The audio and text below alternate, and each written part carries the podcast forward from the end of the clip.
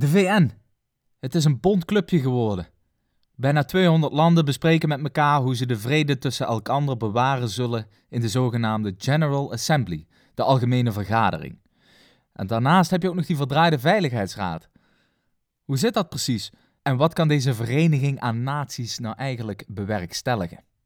Vandaag, in Mennekoortje Zuid, de Verenigde Naties. Een tijger zonder tanden of een forum voor diplomatie.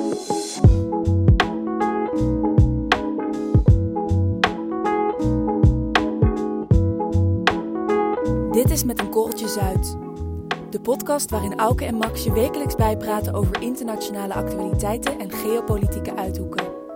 Twee heren zonder blad voor de mond met scherpe en minder scherpe analyses. En oh ja, je luistert naar twee vers uit de universiteit gerolde politicologen.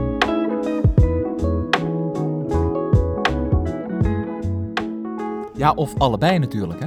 Ik zeg Ja. wel tijger zonder tanden of forum voor diplomatie, maar ik natuurlijk dat het allebei is. Maar dat is... Het, het een sluit het ander niet uit. Ja, ja.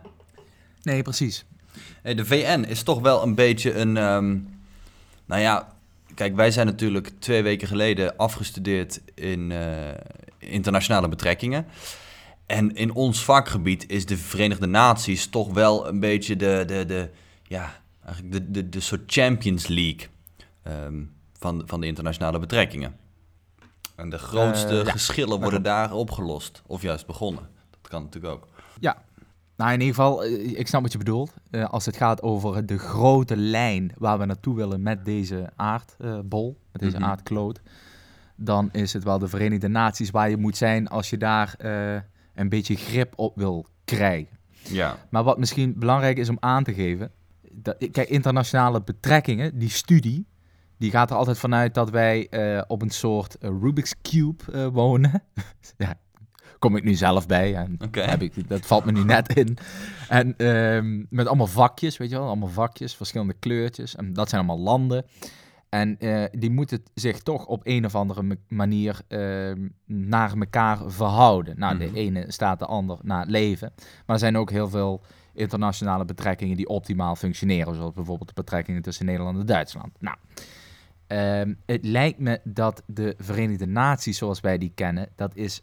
Ja, hoe moet je dat eigenlijk zeggen? Dat is, dat is eigenlijk alles op een hoop gooien, zeg ik even heel oneerbiedig. En dan, eh, weet je, spreek het maar uit met elkaar in die algemene vergaderingen. Dat is een grote zaal in New York waar dan iedereen eh, komt praten over peace, peace, cooperation en, en, en de peoples en weet ik veel wat allemaal. Ja. Ehm, om er toch een beetje voor te zorgen dat we met deze wereld vooruitkomen. Dus in beginsel is het een organisatie die uitgaat van, de, eh, van, van alle soevereine staten. Mhm. Eh, van Nederland tot Kiribati. Kiribati eh, overigens eh, met een president zoals we hebben gezien in Arjan Lubach, die no- nog het woord Kiribati op zijn das heeft staan.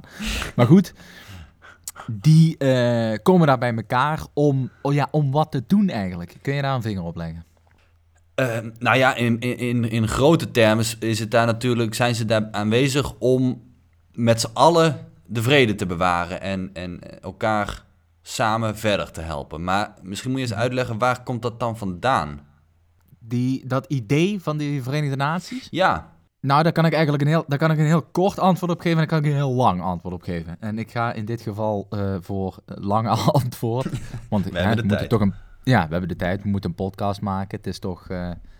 ja, wij kunnen niet zomaar Ferrari rijden door ons overal eh, makkelijk vanaf te maken. Maar eh, eh, ik- het is natuurlijk een afgeleide van dat League of Nations concept. Hè? Van dat, van dat eh, Volkerenbond concept ja, een Ja. 20e eeuws idee. Ehm, Woodrow Wilson, bekend van zijn 14 punten over dat, er, dat het kapitalisme verspreid moet worden en dat we moeten samenwerken en dat er een soort. ehm, ja, dat er een soort. Dat er ontstond in het begin van de 20e eeuw, na de Eerste Wereldoorlog, een soort voortschrijdend inzicht. Van jongens, eh, dat is allemaal leuk en aardig, die, die, die, die, eh, dat lappendeken van landen dat we hebben. Maar we moeten samenwerken. En eh, misschien even voor de mensen die niet helemaal weten waar dit nu over gaat. Eigenlijk sinds de 17e eeuw, sinds 1648, dat hebben we denk ik allemaal wel gehad op de middelbare school, hebben we de vrede van de Peace of Westphalia. Volgens mij is dat in het Nederlands de, de vrede van Münster, maar Ja. pin me er niet op vast. Ja. En daar, daarin zijn we eigenlijk, eh, dat is eigenlijk de geboorte van de nazistaat. Met andere woorden, in Duitsland wonen de Duitsers, in Nederland wonen de Nederlanders, enzovoort, enzovoort. Dus ieder volk heeft een bepaald stukje grond en daar mogen zij op doen wat ze willen. Dus daar, daar ontstaat een bepaalde soevereiniteit. Precies, dus voor de vrede van Münster was het eigenlijk voor veel mensen vaak niet eens echt duidelijk in, ja, het concept land bestond nog niet echt zoals we dat nu kennen. Je was wel vaak. Precies. Je, je, je had wel een, een soort koninkrijk of zo, maar het was minder duidelijk dan nu. Ja. Precies. Dus dat, daar, daar ontstond dat idee. Nou, daar had je natuurlijk nog steeds wel allemaal vorsten, dommen en noem het allemaal maar op. Maar uiteindelijk is dat dus, en zeker in de aanloop naar de Eerste Wereldoorlog, werden dat allemaal rijken, zoals we kennen. Hè? Dus je had uh, Prussia en uh, het, dus het Pruisische Rijk. En je had die Habsburgers, die wilden nog wat uh, in de melk brokkelen, enzovoort, enzovoort. Nou, Eerste Wereldoorlog is afgelopen. Eigenlijk dat, dat hele continent ligt in, in, in mhm. puin. Dan zegt Woodrow Wilson, de Amerikaan, uh, president. Die zegt, president. Die zegt eigenlijk op basis van het Kantiaanse idee van de perpetual peace, namelijk dat als we elkaar een beetje respecteren, dat we dan uh, op basis van normale intuïties en samenwerking verder kunnen komen in deze op deze aardbol. En dat eigenlijk niets of niemand daar, als we dat zorgvuldig aanpakken, dat, we, dat, dat, dat niets of niemand daar iets aan kan doen. Nou, mm dan zou je van zeggen, nou, een fantastisch idee. Hè? Dat is dus eigenlijk het, het, liberal idea. Dat is een, een, het Wilsonian concept van samenwerken tussen landen. Nou, League of Nations opgestart. Samen met elkaar rond de tafel gaan zitten om eens even te kijken hoe we het dan gaan organiseren. Maar dat blijkt dus in aanloop naar de Tweede Wereldoorlog om heel veel verschillende redenen. Uh, waaronder bijvoorbeeld het uitstappen van een aantal Zuid-Amerikaanse landen, het uitstappen van Japan bij de crisis in Manchurije, blijkt het toch vrij lastig om de wereld als onderverdeeld in soevereine staten, om die bij elkaar te houden vanuit het idee dat we samen moeten werken. Ja, het is toch lastig om met nou ja, meer dan 100 man in een kamer te gaan zitten en dan op één, op één lijn uitkomen. Dat, dat, dat is een stuk lastiger. Dat kunnen we ja, dat, dat konden ze dus blijkbaar niet. Ehm, en dan zie je Duitsland, of uh, sorry, Japan stapt uit, Italië stapt in. Nou, we kennen die hele geschiedenis. De Tweede Wereldoorlog die begint, die wordt uitgevochten met alle gevolgen van dien. En tijdens die Tweede Wereldoorlog voelen die geallieerde staten: hé, hey, wij zetten deze oorlog naar onze hand. En dan voelen ze ook weer meteen de ruimte om met een soort hernieuwd uh, doorstartconcept te komen van die League of Nations, namelijk de Verenigde Naties. Ze pakken zich bij elkaar en dan uh, proberen ze weer grip te krijgen op die internationale samenwerking. En eigenlijk in de internationale betrekkingen, dus de studie die wij hebben gedaan, heb je nog een soort subcategorie. Dat is namelijk de internationale betrekkingen theorie.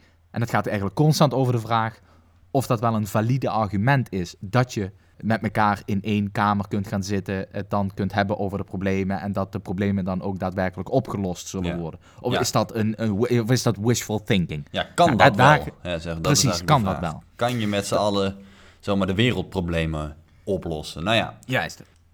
Ja, kan dat wel? Dat is de vraag. Is, dat een, uh, is, dat, is het rationeel om te denken dat wij dit met elkaar gaan uh, dat wij dit wel even met elkaar gaan organiseren, zeg maar. Nou, in New York, Genève, Nairobi en Wenen denken ze van, ja, dat kan. En er zijn heel veel mensen op zolderkamers, uh, realisten voornamelijk, of nationalisten, die zeggen, nee, dat kan niet. Want mensen die handelen, of landen die handelen altijd vanuit hun eigen kadertje, hun eigen idee. Maar ook hun eigen, belang, vooral. Ja, en uh, precies, dat was het woord waar ik het zoeken was. Ik probeer het eromheen te lullen, maar inderdaad, landen handelen vanuit het eigen belang. As President of the United States, I will always put America first. Just like you, as the leaders of your countries, will always and should always put your countries first.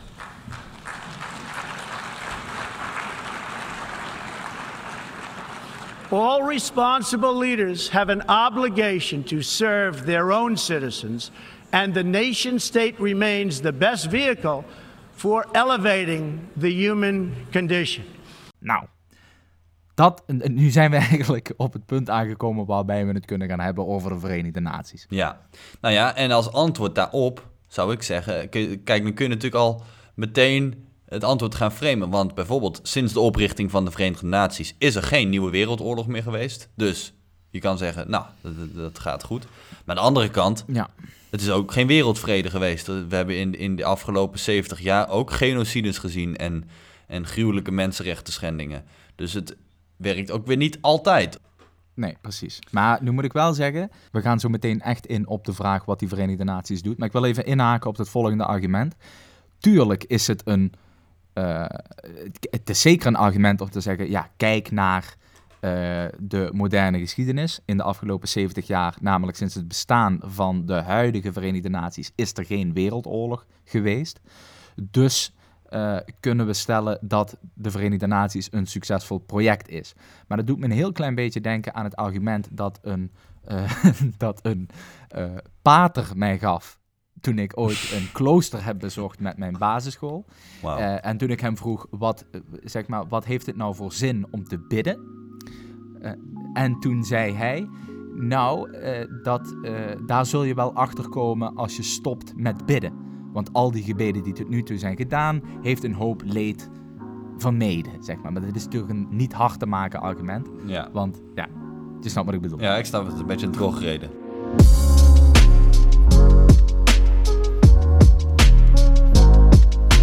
Dan, Koenoloog Wijnbox. Zes unieke wijnen gemakkelijk bij jou thuis bezorgd. Elke maand een wisselende selectie en jij bepaalt zelf of je ze bestelt.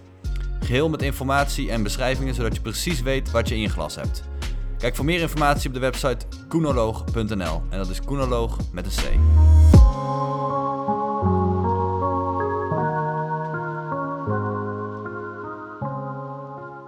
Wat kan de Verenigde Naties nou wel en waar zijn ze goed in?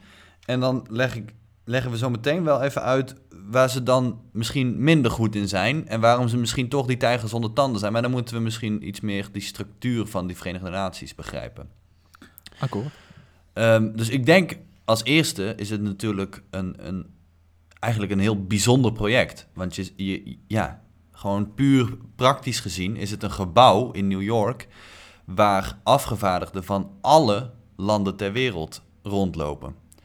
En eh, dat zorgt natuurlijk wel voor een grote schaal van wederzijds begrip. Gewoon puur het feit dat je met elkaar kan overleggen, dat zorgt denk ik al voor een eh, toch dat, dat, dat, dat verhoudingen tussen landen wat, wat kunnen verbeteren. En dat mensen elkaar beter kunnen begrijpen. Ehm, in plaats van als je achter, achter grenzen en achter muren jezelf verschuilt. Is het toch wel fijn als je een keer nou eens even met die tegenstander van je om tafel kan gaan zitten. En dus kan uithoren van "Maar wat denk jij nou en hoe, hoe, hoe, hoe sta jij nou in de wereld? En hoe kijk jij tegen deze situatie aan? Ja, vandaar dus het idee Forum voor Diplomatie. Ja. Dat is een soort doorlopende discussie met elkaar. Ja, Wat veel eh, boeiender is, is natuurlijk de nadelen van dat, of de nadelen, laten we zeggen, de frictie die ontstaat binnen zo'n eh, Ja. VN. Ja, precies. Van, nou goed, toen zij dat dus in 1945 oprichtten, toen waren er een aantal winnaars van de Tweede Wereldoorlog. Eh, Verenigde Staten, eh, het Verenigd Koninkrijk, China en de Sovjet-Unie. Die dachten, ja, wij, ja, wij hebben de, de, de Tweede Wereldoorlog gewonnen. Eigenlijk hebben wij dus weer gezorgd voor vrede in deze wereld wij, wij verdienen eigenlijk wel een speciale status, een speciaal clubje, clubje moeten we daarvoor oprichten. Wat hebben ze bedacht? Eh, binnen de Verenigde Naties richten wij de VN-veiligheidsraad op. En Ja, is dat echt zo gegaan? Dat, dat de Verenigde Naties al begonnen, dat zij zeiden, nou, we richten nog een clubje binnen een clubje op? Eh, nou, het is wel bij de oprichting eh, afgesproken. Dus ja, Mhm. bij de oprichting van de Verenigde Naties is dat eh, Ja. idee opgekomen. Ja, Een beetje onder de noemer van iedereen is gelijk, maar wij zijn net iets gelijker. Precies, ja, want de, de, de VN-veiligheidsraad is wel het, op dit moment in ieder geval het enige echt machtige, of nou, het is gewoon het machtigste orgaan binnen de Verenigde Naties. Want zij kunnen daadwerkelijk hun spierballen laten zien. Dus de, de VN-veiligheidsraad kan een, een, een troepenmacht ergens op afsturen. Eh, Mhm. Dat zijn de welbekende blauwhelmen. Dus dat zijn, Ja. wel, dat zijn wel vredesmissies. Die mogen niet een land binnenvallen, zeg maar. Die zijn daar alleen maar om de vrede te bewaren. Zij kunnen, de VN-veiligheidsraad kan ook sancties opleggen, economische sancties opleggen. Nou, zij kunnen dus wel daadwerkelijk echt wat doen. Wat hebben die, vijf, eh, die vier landen die die, die, die die Tweede Wereldoorlog hebben gewonnen? Die dachten, wij, gaan, wij willen wel een speciale status daarbinnen hebben. Dus zij hebben voor zichzelf bedacht, wij vieren worden de permanente leden in de VN-veiligheidsraad. En los van ons zijn er tien niet-permanente leden. En die wisselen om de twee jaar. Dus zodat ieder land op een gegeven moment wel een keer aan de beurt komt. En, en dan en met z'n veertiende zitten wij in, de, in die raad. En gaan wij over die resoluties stemmen. En kunnen wij dus die troepenmachten naar, naar conflictgebieden sturen. Noem maar op. Mhm. Dat was het idee. Rusland, of ja, so- sorry, Sovjet-Unie, die dacht, ja, dit klinkt goed. Wij zitten, wij, wij zitten bij die vier speciale eh, landen. Ja. Ehm, maar het is best wel een pro-Amerikaans clubje. Dus ja, zeggen, Amerika, we hebben- We niet voor niets eh, de helft van onze bevolking gedecimeerd om die Duitsers buiten de deur te Juist. Dus, juist. ja. Dus die wilden wel iets meer balans in dat clubje. Ehm, ja, toen is daar een beetje voor rondgezocht. Hebben ze nog bij Brazilië aangeklopt. Brazilië zei, nou ja, dat, dat, wordt ons te duur. Of daar hebben wij eigenlijk helemaal geen trek in. Toen kwamen ze bij... eh, toen kwam het Verenigd Koninkrijk. Die zei, nou, kijk eens naar Frankrijk. Misschien wel een goede optie. Frankrijk, toch wel een, een wereldmacht... Eh, zeker destijds. Grote econo groot, sterk economisch land. Wel ja, geen winnaar van de Tweede Wereldoorlog, maar goed. Ehm, ja, en, misschien op papier een beetje. Ja, goed. En een land waar, waarbij zowel de Verenigde Staten dachten... ja, dat is wel een goede optie, want het zijn toch wel bondgenoten van ons. Maar waarvan ook de Sovjet-Unie dacht... ja, die kan wel, Frankrijk is wel een land wat voor wat balans binnen dit clubje kan zorgen... want die durven wel hun, hun bek open te trekken tegen de Amerikanen... en, en daar nee tegen te zeggen. Ja. Eh, dus zodoende, Frankrijk kwam als vijfde lid binnen het speciale clubje als, als permanente lid in de VN-veiligheidsraad. En nou, tot op de dag van vandaag zijn die vijf landen eh, de, de permanente leden. Wat maakt En dat maken, nou... ze dus eigenlijk, en maken ze dus eigenlijk de politieke dienst uit op deze wereld. Precies, maar dat heeft vooral te maken met één speciaal, speciale eigenschap die ze zichzelf toegedicht hebben. En dat is namelijk ehm, het recht om een veto-stem uit te brengen. Dus Ja, ja. als die Veiligheidsraad komt met een, een resolutie die zeggen: jongens, het is, het is hommeles in Syrië. Eh, daar moeten wij een, een VN-troepenmacht op afsturen, want anders dan gaat Assad zijn eigen bevolking vergassen. Dan kan één van die, van die vijf permanente leden, eh, die kan een vetorecht uitbrengen, een veto-stem uitbrengen. En dan gebeurt het niet. Dan gaat die hele resolutie van tafel, prullenbak in, klaar. Mhm. En dat gebeurt dus ook regelmatig. Eh, Ja. Zeker, ja, wat, het voorbeeld wat ik net noemde, eh, Syrië, nou, daar is Rusland eh, en ook China zijn daarop tegen. Die willen daar geen VN-troepen hebben, om, om hun eigen redenen dan ook. Ehm, en zo gebeurt het dus regelmatig dat er, eh, VN, eh, dat er veto-stemmen worden uitgebracht binnen die eh, VN-veiligheidsraad. Mhm. Oké, dat, dat is natuurlijk een boeiend gegeven. Want dat zorgt natuurlijk wel voor een soort politieke impasse. Namelijk, Ja, ligt er dan maar net een beetje aan waar een bepaald conflict zich voordoet. Of je de steun of eh, de tegenslag krijgt van zo'n Security Council. Ja, je moet de steun in ieder, je moet minimaal de steun hebben van die vijf landen. Als een van die vijf landen het niet wil, klaar. Gaat jouw idee Maar de begrijp in. Maar begrijp ik dan goed dat die andere tien landen er een beetje voor spek en bonen aanhangen? Van zo van jullie doen ook nog mee. Maar goed, het feit dat jij, eh, weet ik veel, Polen of, of, of Kiribati of Vanuatu, dat jullie iets anders Ja. willen, dat, dat is tot daaraan toe. Ja. Maar daarvoor gaan wij niet eh, een, een eh, VN, gaan wij niet bijvoorbeeld de VN-troepen sturen naar, naar, naar Syrië. Ja, geval. ja het, het- dat kun je wel zeggen. Ja, die zijn daar. ehm, ja, spek en bonen. Kijk, uiteindelijk stemmen ze mee. Hè? Dus er moet wel uiteindelijk, als er, als er geen, mits als er geen eh, veto-stem wordt uitgebracht, moet er nog steeds wel gewoon een meerderheid worden gehaald. Dus wat dat betreft kunnen ze wel, ja, hebben ze natuurlijk wel een stem. Ze zitten er dan maar voor twee jaar. Overigens niet altijd. Een paar jaar terug ging het erom of, ja, het is, het is een ingewikkeld concept. Ik ga het proberen een, beetje makkelijk uit te leggen. Maar de VN-veiligheidsraad, die tien niet-permanente landen, eh, hebben ze zo ingericht dat ze er wel voor zorgen dat dat vanuit de hele wereld komt. Dus niet dat daar straks eh, negen Europese landen en, en, en Brazilië bij zitten. Zeg maar. Ze willen wel dat het van over de hele wereld komt. Ehm, dus ik geloof dat er vanuit West-Europa drie landen of zo worden afgevaardigd. Nou, daar wordt over gestemd. En dan, eh, en, dan, en dan win je die zetel voor twee jaar. Een paar jaar terug was er een probleem dat Nederland en Italië eh, eigenlijk aan het, aan het strijden waren voor een zetel. En, het, en qua stemmen ja, bleven ze eigenlijk, won geen van beide de meerderheid. Het bleef heel de tijd een beetje 50-50. Nou, toen hebben ze het op een akkoordje gegooid en gezegd, nou, Nederland één jaar en dan Italië het andere jaar. Dus zo kan dat ook opgelost worden. Ja, Dat is ook wel typisch VN dan, hè? Zo. ja uiteindelijk, uiteindelijk los je het zelf op. Ja. ja. Mhm. En ja, ja, wat je zegt, hangen ze daar voor spek en bonen bij? Kijk, in, in, in echt eh, pure macht, ja. Want zij hebben geen veto-stem. Maar als je kijkt naar...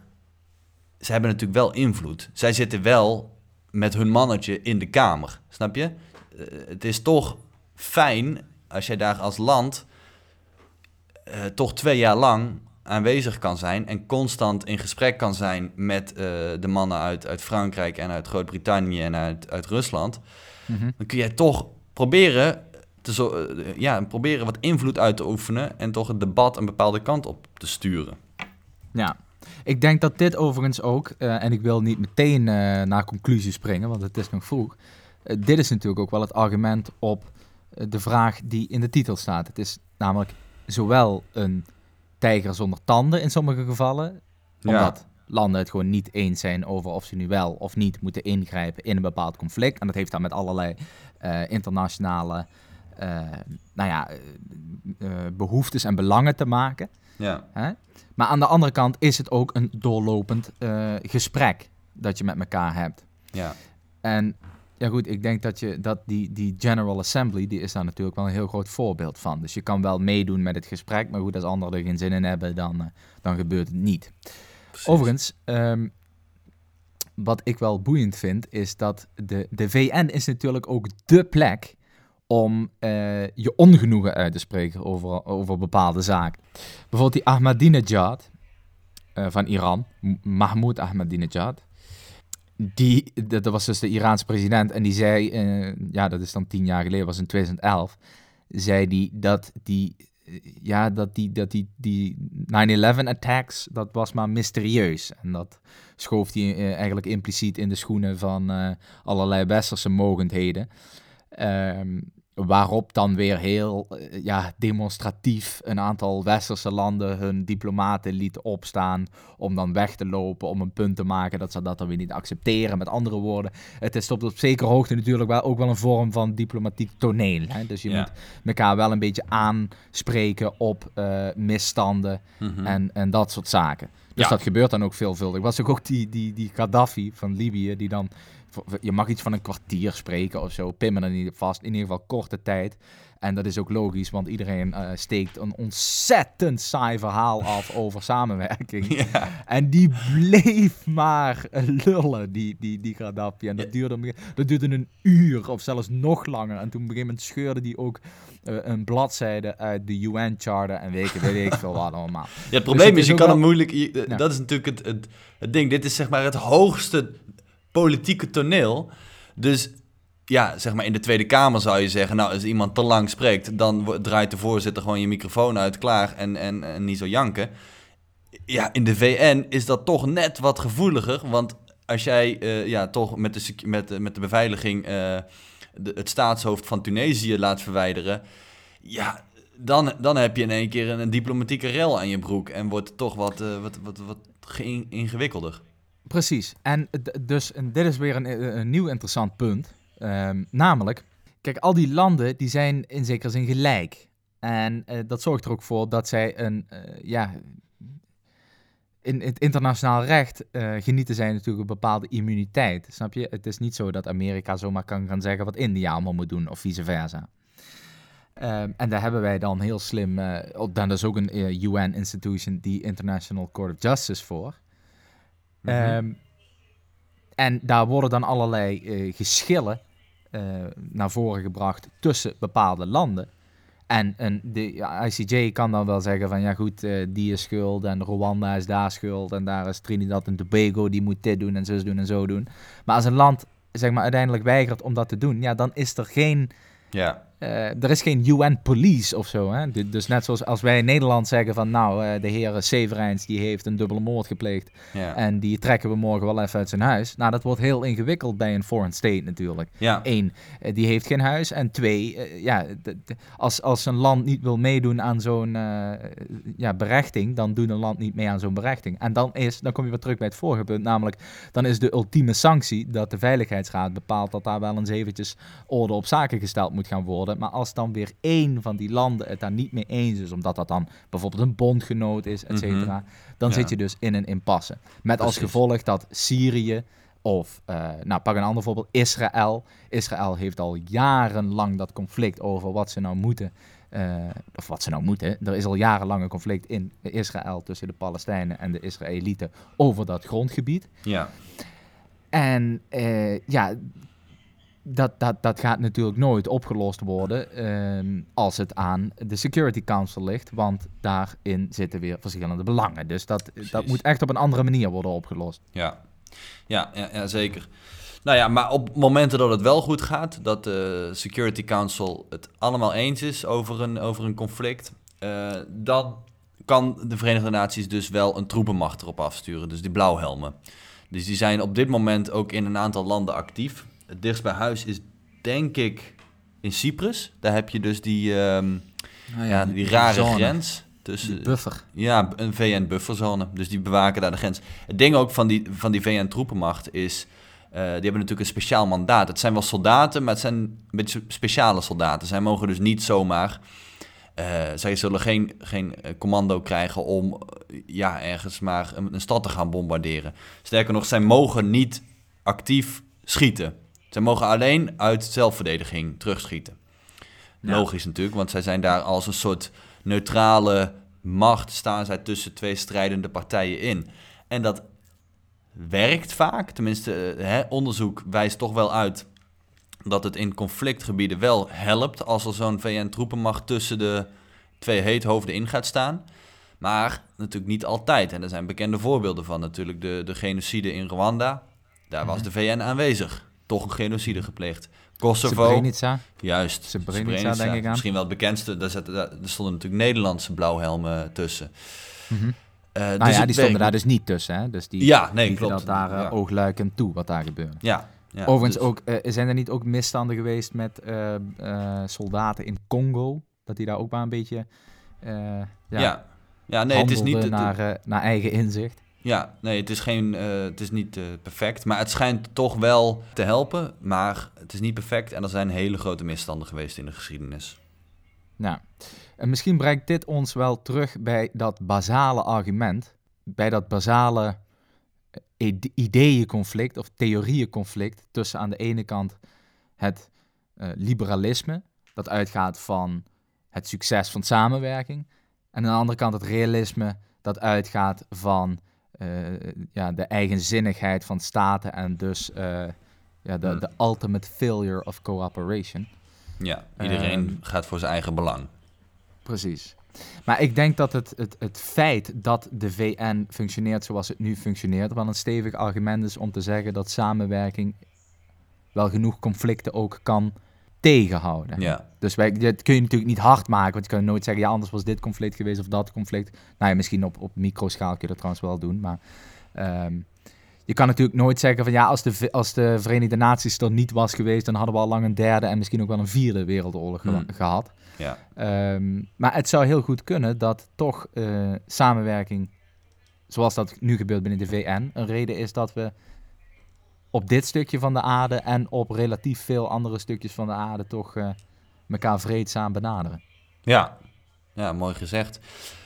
Het laat natuurlijk ook wel zien dat het niet dat die samenwerking toch niet heel ideaal verloopt. Hè? Het, is niet een, het verloopt niet zo gladjes als je misschien zou willen. Zeg maar. als, als wij met z'n tweeën nu een, een soort nieuwe VN mochten gaan bedenken, waar wij dan zelf nooit in terecht zouden komen, dan zouden we het toch anders organiseren, denk ik. Ehm, dus de structuur is wel wat scheef, is niet perfect. Maar wat je zegt, het heeft toch wel voor samenwerking tussen landen geleid in de afgelopen 76 jaar dat ze al actief zijn.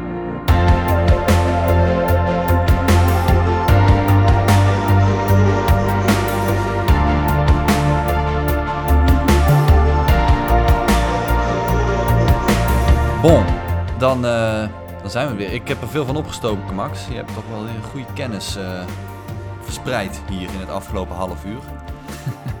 en hopelijk eh, niet alleen naar mij, ook naar de luisteraar thuis. Die wil ik ook even bedanken. Dank dat jullie iedere week weer inschakelen.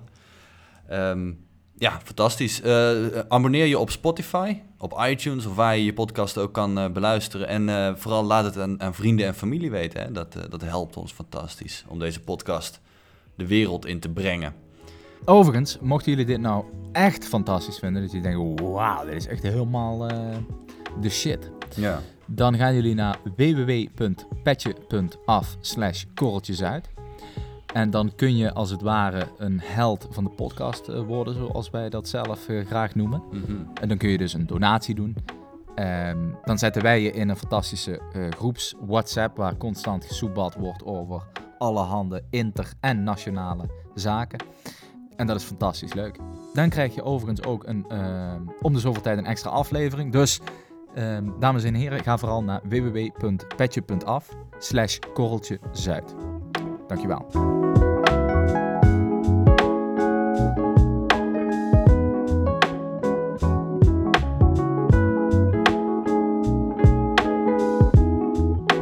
Deze podcast werd gepresenteerd door Max Severijns en door mij, Auke Roos.